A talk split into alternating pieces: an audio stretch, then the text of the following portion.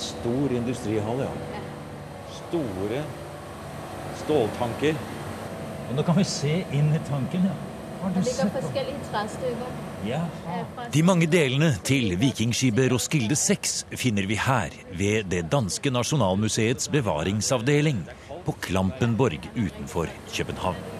Dette er frysetankene, ja. Det er frysetørringsanlegget. Ja. Og der kan du se, der ligger det lenger inne. i Især der ligger det spanter til frysetøring, og de er spent opp. Du kan se Det er en masse stativer og skinner og sånn rundt om. Og det er for at de skal holde fasongen presis hele veien eh, i tørringsforløpet, så de ikke begynner å slå seg. sånt.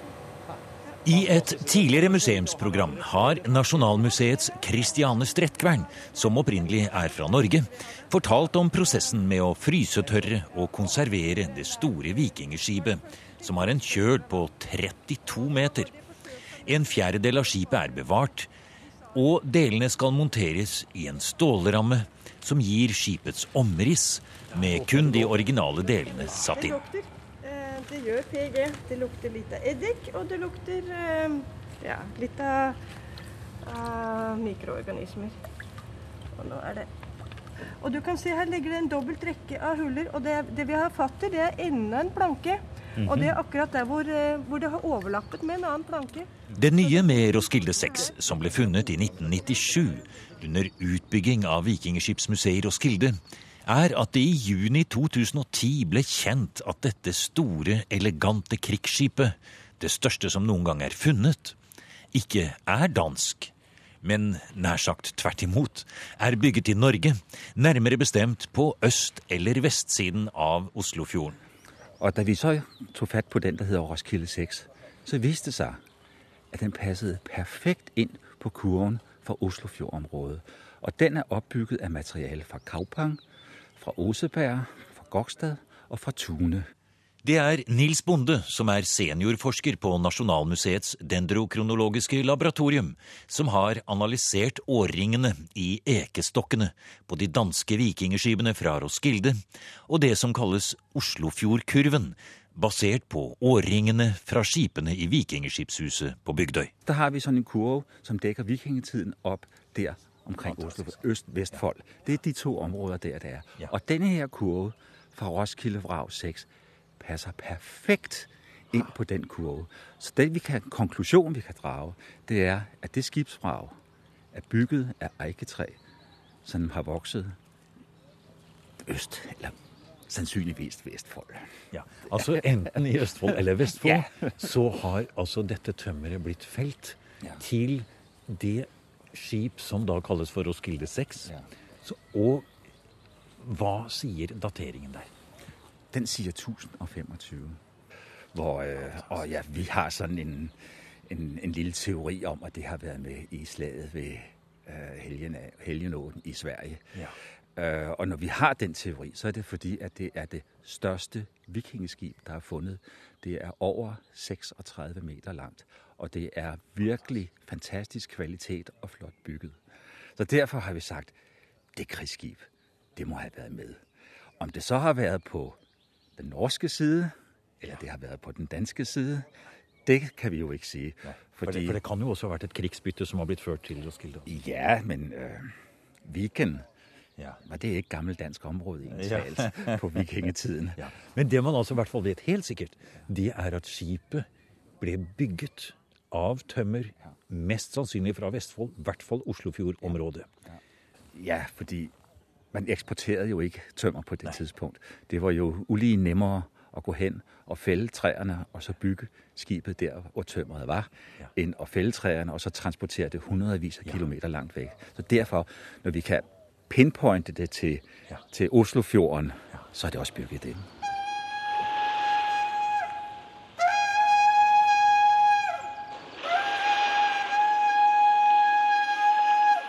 De store eikestokkene i Roskilde 6 er felt ved Oslofjorden, og skipet er bygget samme sted i året 1025. Og kanskje, som Nils Bonde sier, har dette store krigsskipet med 38 sesser, vil si 76 årer og plass til rundt 100 krigere, vært med Olav Haraldsson i Skåne under slaget ved Helgenå. Men hva dette, vi får vel si norske vikingskipet har vært med på, er en annen historie som forskerne forhåpentligvis vil kaste seg over i tiden som kommer. Både Oseberg, Tune og Gokstadskipet er bygget mye tidligere enn Roskilde 6. Og tømmeret til Tune og Gokstad har lenge vært plassert med stor sikkerhet i Oslofjordområdet. Men hva med Oseberg? Selv om dette mest berømte av alle vikingskip ble satt i haug i Vestfold i året 834, er det langt fra sikkert at det ble bygget der. Det er egentlig helt sikkert at det ikke er bygget ved Oslofjorden. Så hvor kom Oseberg fra? Det er vel ikke dansk? Da vi undersøkte for 20 år siden, der viste seg jo at vi kunne vise at Gokstadskipet og Tuneskipet det er bygget av eiketræ som har vokset omkring Oslofjorden. Det vil si, det var skipet for området. Men Osebergskipet passet ikke inn i den kurve omkring Oslofjorden. Vi kunne godt datere, vi kunne godt finne ut av hvor gammelt det var. Men vi kunne ikke riktig at det hører hjemme der og der. Og rent faktisk på det tidspunkt var det bedste resultat vi kunne få, det var at det passede inn på kuren fra Danmark. Så der begyndte jo rygterne å oppstå om at det var et, et vikingeskib fra Danmark. Men efter øh, vores fine resultater med, med skibene fra Bygdøy, så ble vi spurt om vi ikke ville undersøge noen skibsrester rester fra Karmøy nord for Stavanger. Og der tog vi fatt på en fund der hed Storhavg og Grønhavg. Og der på 1996 kom der ikke riktig noen resultater ut av det. Og så en dag vi sad Frans Arne Stylgaard og meg, vi sad og sludrede om de her problemer, så sagde han, hvad med å sammenligne kurven fra Osebergskibet med det her materiale fra Karmøy? Og så viste det seg at det passer så perfekt sammen. Altså vekstkurvene for treet i Osebergskibet passer perfekt sammen med vekstkurvene fra Storhavsskipet og Grønhavsskipet. Og det er sånn så vi må altså konkludere at de her tre skipe er bygget av eiketømmer som må ha vokset i det samme området. Og når vi har de to skipe over ved Karmøy, og vi har Osebergskipet Osebergskipet passer ikke inn i østlandsk sammenheng, passer altså inn i en vestlandsk sammenheng. Så det er sannsynligvis bygget i slutningen av 700-tallet på Vestlandet i Norge. Og kanskje rundt Karmøy-området. Og når du sier det passer perfekt sammen, så betyr det at dette er mer enn en antagelse. Det er, det er faktisk et komplett treff. Det er, det er komplett treff. Det eneste vi kan diskutere, det er hvor skipene er. For det er jo skipet og det er jo ting man kan flytte rundt på. Ja. Så det kan være å gå litt lenger nordpå mot Bergen, eller gå litt lenger sydpå med Stavanger. Men det er området, ja, som du sier, omkring Karmøy. Mm. Derfra må skipet stamme. Mm. Så Osebergskipet er bygget på Vestlandet, det kan vi i hvert fall si. Det er, det er, det er nesten 100% sikkert. Og det er jo det gamle Norge. Ja. Mens, er, mens er det som vi i dag kaller Østlandet, det er, det, det er det gamle Danmark. Ja.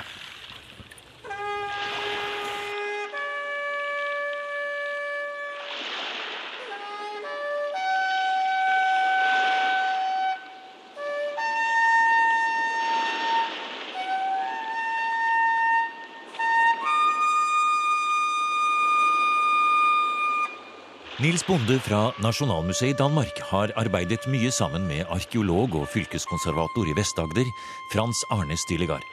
Og det var nettopp samarbeidet dem imellom som fikk puslespillbitene på plass når det gjelder både Roskilde 6 og plasseringen av Osebergskipet i sammenheng med restene av skip som ble funnet i Grønhaug og Storhaug på Karmøy. Og her kan vi bare anbefale Styligards flotte blogg, Arkeologi i nord, som har spennende artikler om dette temaet. Lydene vi hører i bakgrunnen, spilles på en kopi av en trelur fra det rike Osebergfunnet. Og nå vet vi altså at Osebergskipet kommer inn i Oslofjordområdet, som var under dansk innflytelse, fra et helt annet politisk miljø på Vestlandet. At et skip kommer inn i Viken fra et annet sted, er vel kanskje ikke oppsiktsvekkende i seg selv. Men når vi vet at skipet etter hvert ender opp på land i en mektig dronningbegravelse, så må vi spørre Frans Arne Stylegard om hvordan han ser på dette. Det er, eh, Det er jo som du sier, at det at et skip fra Vest-Norge eh, drar inn i Oslofjorden, det, er, det har de gjort mange ganger. Men når det da havner i en får en så sentral rolle i en så spesiell og, og, og unik gravseremoni som, som Oseberggraven er, så er, det, så er det jo grunn til å se litt på det, de politiske forholdene i Nord-Europa og i Skandinavia når dette skjer. Osebergskipet er bygd i 28, og, og det kommer i grava høsten. Intet mindre høsten 834, august eller september. Og det er den første skipsgrava som vi kjenner til i Øst-Norge og i Viken. Det kommer flere etterpå, men denne ligger vesentlig tidligere enn de andre. Så den er, den er spesiell også når vi ser på dateringen. Når vi da nå vet at, at skipet har eh, er bygd eh, et sted i Vest-Norge. La oss si et sted mellom Bergen og Stavanger, da, så går vi ikke for langt. Eh, så er det interessant at eh, det materialet som vi har brukt for å stedfeste Oseberg, det kommer fra de to eldste skipsgravene i Norden, som begge ligger på Karmøy. Storhaug og Grønhaug, som er fra slutten av 700-tallet. Generasjonen forut for Oseberggraven. Um, det, er jo all mulig grunn til å anta at det er en sammenheng. En sammenheng mellom det fyrstegravsmiljøet som man kan spore over lang, lang tid på Avaldsnes og Karmøy, og, og Oseberggraven et helt annet sted i Norge. Ja, ja, kan, det være, kan, det være, det dynastiet som forsøker å komme seg inn i uh, den delen av uh, det danske innflytelsessfæren?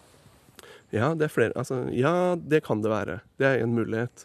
Det vi, det vi, det vi vet gjennom de skriftlige kildene om, om, Viken Plutselig så får vi et lite tidsvindu i, i en frankisk kilde, de frankiske riksanalene, som faktisk ikke er en samtidskilde. Dette er noe som er skrevet senere, men, men eh, det går for å være en veldig god, uh, troverdig kilde. Og, og der er det relativt mye i de frankiske kildene om begivenheter i det nåværende Danmark. Der, eh, I Danmark så er det da tidlig på 800-tallet minst to forskjellige kongeslekter som kjemper om makta. Vi vet ikke hva de har representert sånn eh, politisk geografisk, men det er minst to slekter, to dynastier, som, eh, som er i borgerkrig. Full borgerkrig. Og de, Det hintes det stadig om i de frankiske kildene, og det gjøres fordi, fordi det her, det her danske riket er en trussel mot frankernes nordgrense.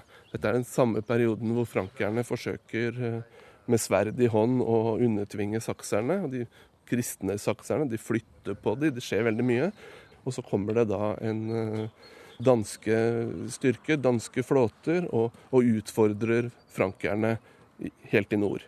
I nåværende Slesvig-Holstein, egentlig rundt Hedeby og der. Og det, er, eh, det gjør at, at danene, og, og, indirekte også folkegrupper lenger nord i Skandinavia, blir viktige for frankerne. Så de nevnes stadig vekk. Og da er det én innførsel i de frankiske riksanalene for 814 som, eh, hvor, eh, hvor en, hel, en hel delegasjon av, vi får tro, danske stormenn Det er litt det er ikke sikkert det bare er dansker der. Den ene sies heter Osfrid fra Skåne. Så vi snakker ikke om et lite Danmark, vi snakker om et større sørskandinavisk område. De kommer til eh, grensa i, i Saksen da, for å, for å slutte fred for n-te gang, for det er av og på hele tiden. De, de, slutter fred, freden brytes, og de slutter ny fred. Etter hvert så, så lar de seg kristne i det. Hver gang de, hver gang de lover å være snille gutter, så, så, så lar de seg døpe? Ja. Så lar de seg også døpe. Ja, ja. Det er noen fantastiske historier knytta til det. Um, i 814, hvor de kommer ned til grensa for å slutte fred, så står det da i de frankiske kildene at de, de danske kongene, det er to av dem da, og, og stormennene, de bryter opp i all hast. Fordi de har fått, eh, de har fått eh, melding om at eh, det har brutt ut opprør i den nordvestligste delen av deres rike. Det som kalles Vestfold. Og så beskrives Vestfold geografisk. Og det er ikke noe tvil om at det er vestsiden av Oslofjorden det er snakk om.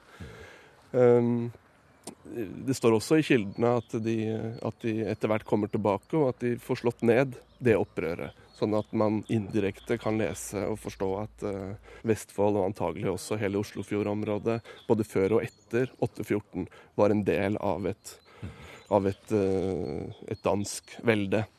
Eller et sørskandinavisk velde. Og i den eh, borgerkrigssituasjonen med om ikke et svekka dansk rike, det får du senere på 800-tallet, men i alle fall en, en veldig skiftende politisk situasjon, så er det interessant å, å, å, forestille seg hvorfor man får det vestnorske innslaget i den voldsomme maktutfoldelsen som Oseberg-graven er. Og da, da, kan det være Altså det er flere måter å, å tenke seg hva som ligger bak. Det kan være en, en dansk underkonge eller en en danskvennlig Vestfoldkonge, eller en Vikskonge, som allierer seg med, med et uh, maktsentrum på Vestlandet for å stå sterkere. Gjennom et, gjennom et uh, strategisk ekteskap. eller det kan også tenkes at det er det vestnorske maktsentrumet som vi da identifiserer med Avaldsnes-området, som, som forsøker i denne vanskelige, betente politiske situasjonen å, å gripe inn i maktforholdene i Viken. Begge deler er akkurat like sannsynlig. Men at det er det ene eller det andre, det, det mener jeg det er grunn til å tro. Og det er jo så spennende å tenke på at hele denne teorien her, hele dette vi kan forestille oss, det kan man gjøre fordi man har greit å feste altså byggingen av Osebergskivet til Vestlandet mm. gjennom dendrokronologi. Mm. Og Det er jo en spennende bruk av kilder, om man ser hva det kan åpne for. Mm. Det gjør det. Altså, da er det altså en i utgangspunktet helt utenforstående eh, liten, bitte liten naturvitenskap. De som ser på årringer, de kan, de kan da gi bidrag som gjør at man for første gang i 800-tallshistorien i, i, Norge kan, kan uh, koble de skriftlige, de få, få skriftlige kildene vi har fra denne perioden, med det arkeologiske materialet. Og det er jo helt nytt.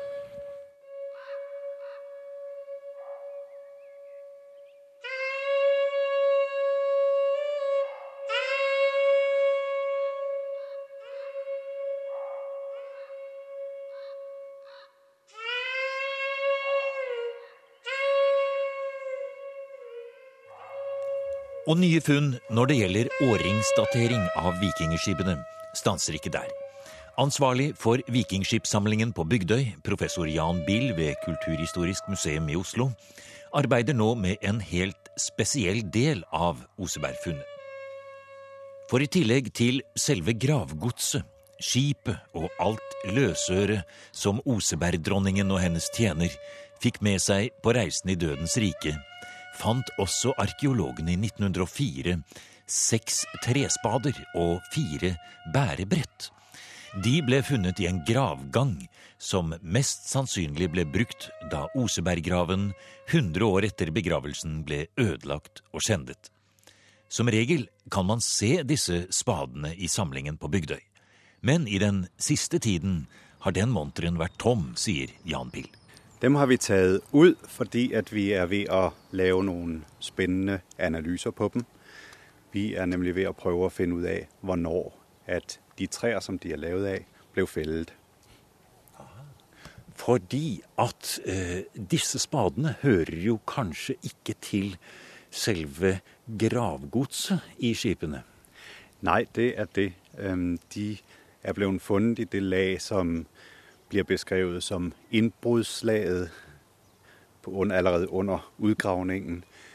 Og det, som vi forventer, det er jo, at de faktisk også vil datere det indbrud, som fant sted.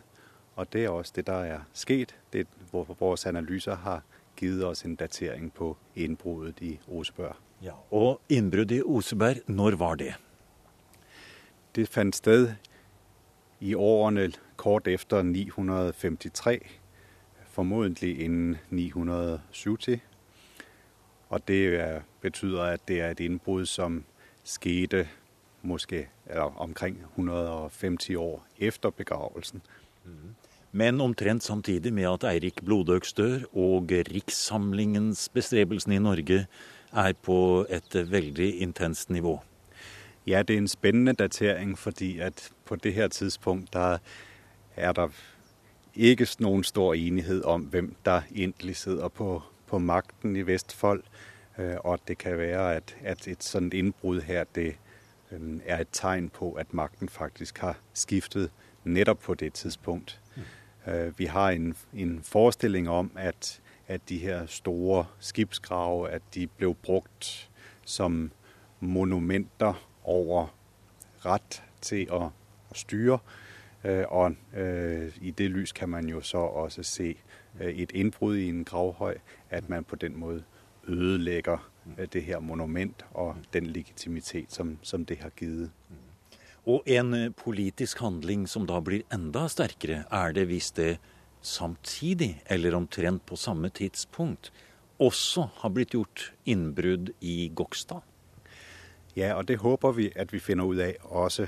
Fordi i Gokstad, der er 12 spader, som vi ikke på samme måte kan knytte til et innbruddslag, fordi at dokumentasjonen fra utgravningen er simpelthen ikke god nok til det.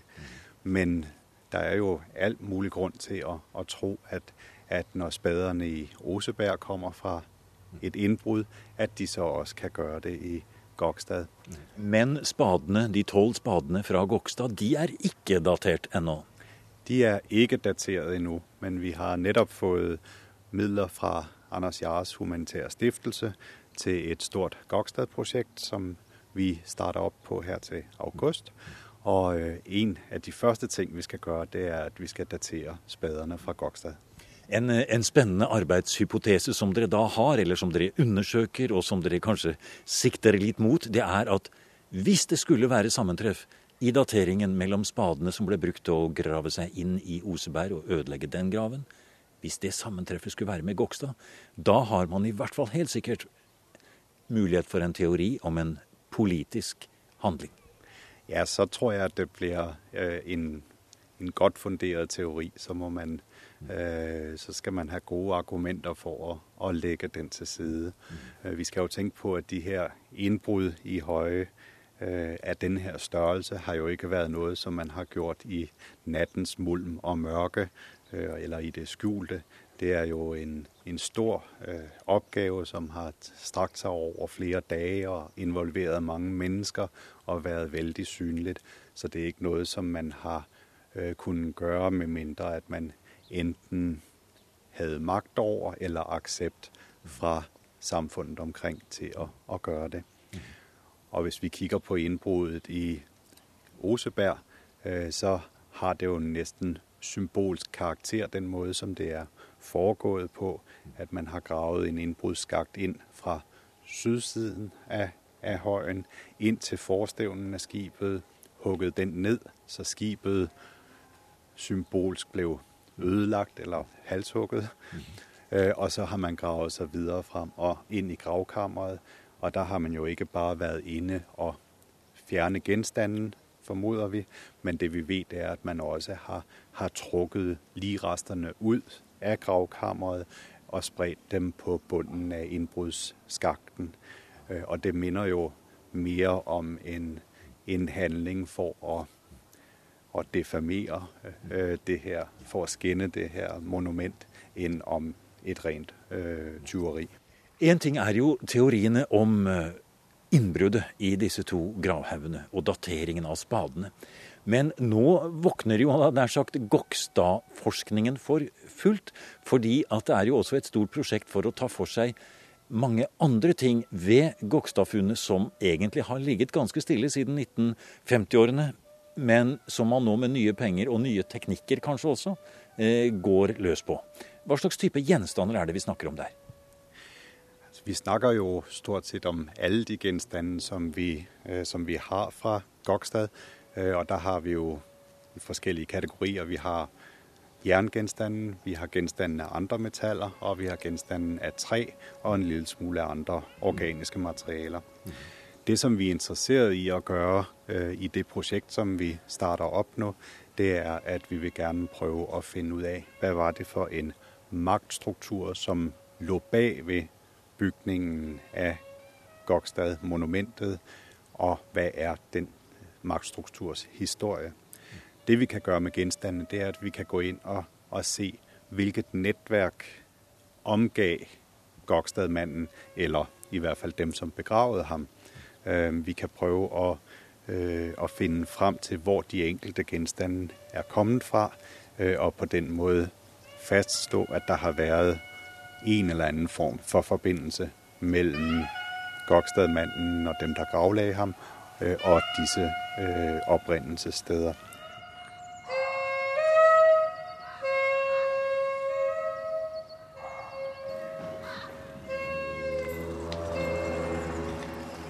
Du har nå hørt programmet Museum som podkast fra NRK.